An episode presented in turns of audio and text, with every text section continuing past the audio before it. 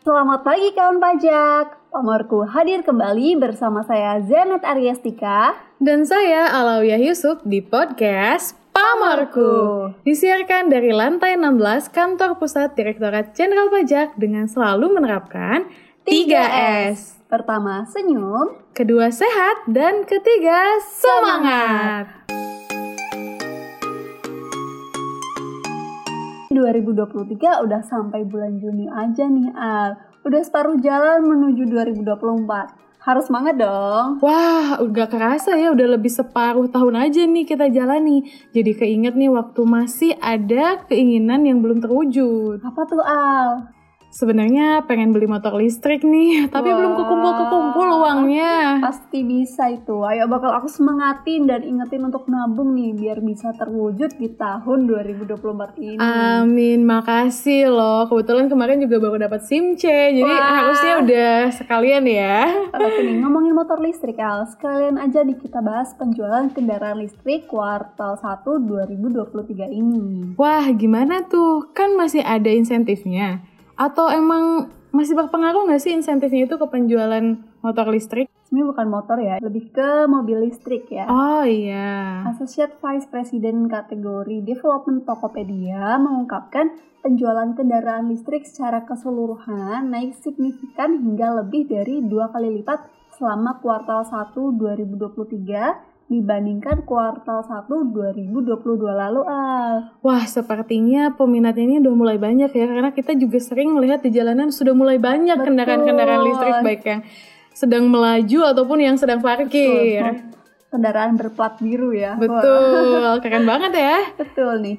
Uh, untuk Medan, Pekanbaru, Bogor, Sleman, dan Bandung menjadi beberapa wilayah dengan peningkatan jumlah pembeli mobil listrik tertinggi al. Sebelumnya, pemerintah berupaya mendorong penggunaan kendaraan listrik karena dianggap lebih ramah lingkungan dan dengan berbagai kebijakan termasuk insentif pajak pertambahan nilai sebesar 10% terhadap pembelian mobil listrik. Semoga hal ini juga didukung dengan sarana prasarana untuk pengembangan kendaraan listrik di Indonesia sehingga bisa lebih banyak lagi penggunanya ya. Nah, berbagai kebijakan nih diupayakan sehingga perlahan semoga negara kita bisa lebih ramah lingkungan nih. Ah.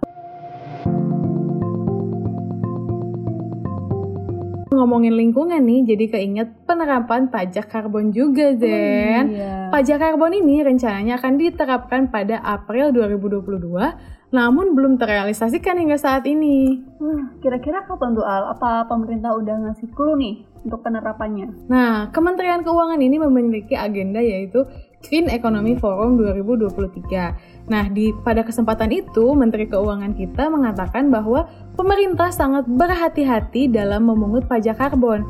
Kehati-hatian ini disebabkan oleh kebijakan pemerintah yang akan berpengaruh pada reaksi pasar di bursa karbon. Hmm, kalau untuk tarif sebenarnya udah diatur nggak sih? Jadi tinggal nunggu waktu aja nih.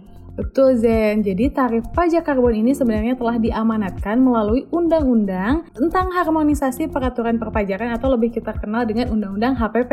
Iya. Nah, tarifnya ini ditetapkan minimal Rp30 per kilogram CO2 atau karbon dioksida ekivalen. Nah, Pemerintah juga akan terus mengembangkan perdagangan karbon dan saat ini pemerintah masih menyiapkan roadmap pelaksanaannya. Oke, semoga mekanisme pelaksanaan pajak karbon ini dikelola secara transparan dan kredibel ya. Yang penting kita nantikan nih waktu yang tepat untuk pelaksanaannya. Betul, ditunggu aja ya seperti yang akan selalu kita ucapkan jika pajak kuat, Indonesia maju. Baik kawan pajak, sepertinya itu dulu ya untuk Pak Morgo hari ini. Tetap update berita perpajakan melalui Pamorku, podcast berita kesayangan kita semua. Sampai jumpa.